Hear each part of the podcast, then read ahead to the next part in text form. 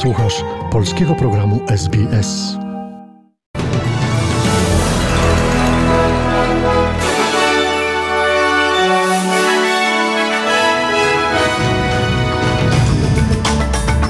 Dobry, przy mikrofonie Joanna Borkowska-Surucić. Oto skrót najważniejszych wiadomości w czwartek 26 maja. Premier zapewnia, że nowy rząd federalny nie złamie zobowiązań wyborczych. Penny Wong, nowa minister spraw zagranicznych, udaje się na Fidżi. Nie było żadnych sygnałów ostrzegawczych dotyczących szkolnej masakry w Teksasie. W Londynie dziś rozdanie nagrody międzynarodowego Bookera wśród nominowanych Olga Tokarczuk i jej księgi Jakubowe. Oto szczegóły wydarzeń. Zaczynamy od wiadomości z Australii. Premier Anthony Albanese potwierdził, że jego rząd dołoży wszelkich starań, aby być odpowiedzialnym ekonomicznie, ale także spełni wszystkie obietnice kampanii wyborczej. Po spotkaniu z Bankiem Rezerw minister skarbu Jim Chalmers przyznał, że stopy oprocentowania, które z pewnością wzrosną, będą miały wpływ na rozwój ekonomii. Albanese powiedział, że jego rząd stoi przed poważnymi wyzwaniami gospodarczymi, a poprzedni rząd pozostawił gospodarkę w nie najlepszym stanie.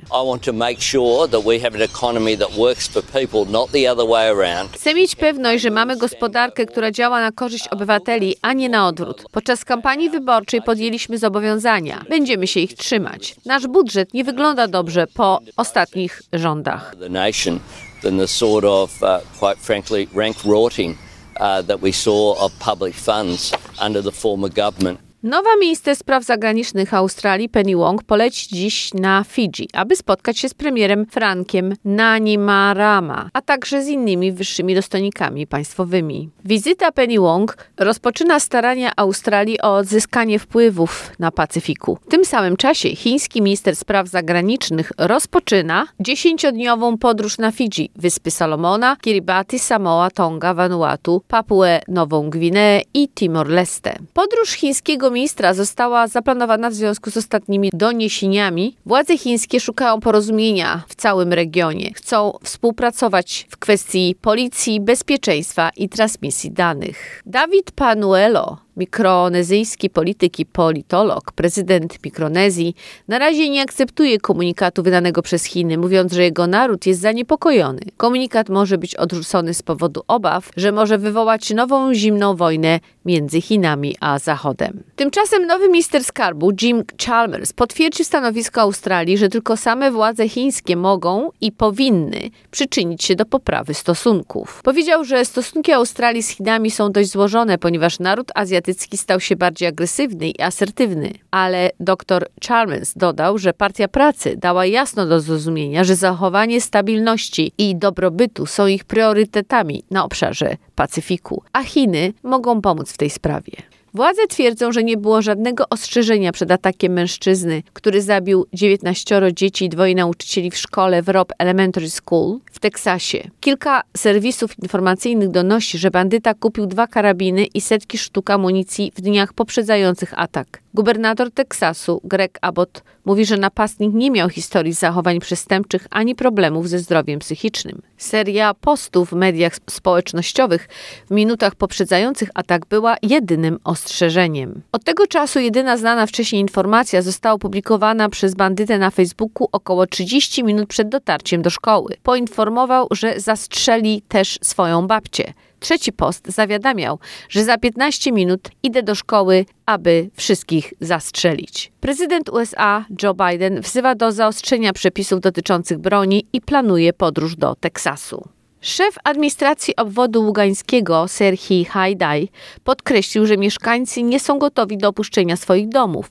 Hajdaj dodał, że Siewierodonieck nie jest otoczony, a w mieście i okolicznych wsiach pozostaje do 15 tysięcy ludzi. Rosja skoncentrowała swoje siły na wschodniej Ukrainie, atakując w kierunkach Siewierodoniecka i Bachmuta. W obwodzie donieckim próbują przebić się przez obronę ukraińscy żołnierze. Rosja chce postawić przed sądem jeńców wojennych z pułku Azow, podał rosyjski dziennik Wiedomości. Część obrońców Mariupola, którzy bronili kombinatu Azowstal, trafiła do rosyjskiej niewoli.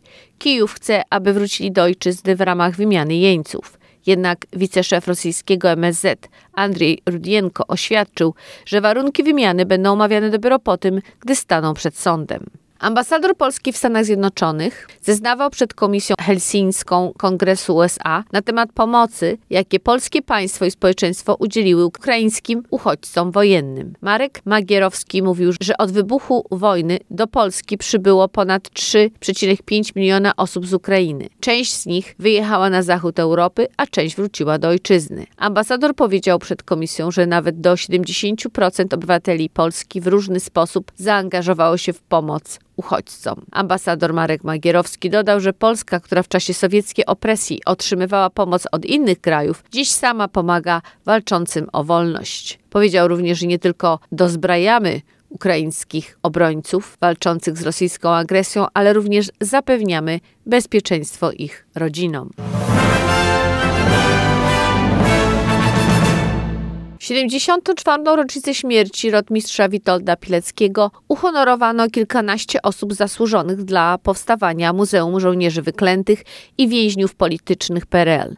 Statuetki przyjaciół muzeum otrzymała m.in. córka rotmistrza Zofia Optułowicz-Pilecka, marszałek Antoni Macierewicz, szef Urzędu do Spraw Kombatantów i Osób Represjonowanych Jan Józef Kasprzyk. Odwaga rotmistrza Witolda Pileckiego jest inspiracją dla całego świata napisał premier Mateusz Morawiecki. 25 maja 1948 roku w komunistycznym więzieniu na ulicy Rakowieckiej w Warszawie rotmistrz Witold Pilecki po skazaniu przez komunistyczny sąd został zamordowany strzałem w tył głowy. Jego szczątków nie odnaleziono do dziś, a winni zbrodni nie ponieśli odpowiedzialności, przypomniał premier. Jego dziedzictwo żyje, bo prawda zawsze jest i pozostanie najważniejsza. Zakończył swój wpis na Twitterze Mateusz Morawiecki. W Londynie dziś rozdanie nagrody Międzynarodowego Bookera, prestiżowego wyróżnienia dla literatury przełożonej na język angielski. Wśród nominowanych Olga Tokarczuk i jej księgi Jakubowe. International Booker Prize to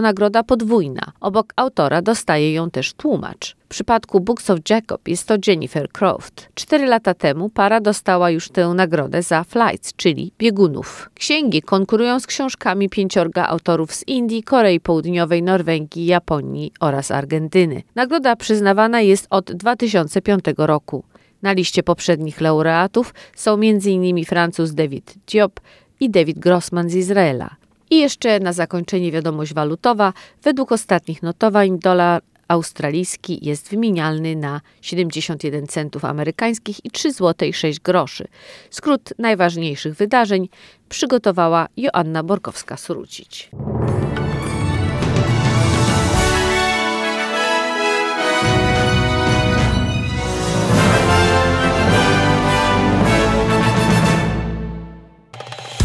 Polub nas na Facebooku, udostępnij innym, skomentuj, bądź z nami na polskim Facebooku SBS.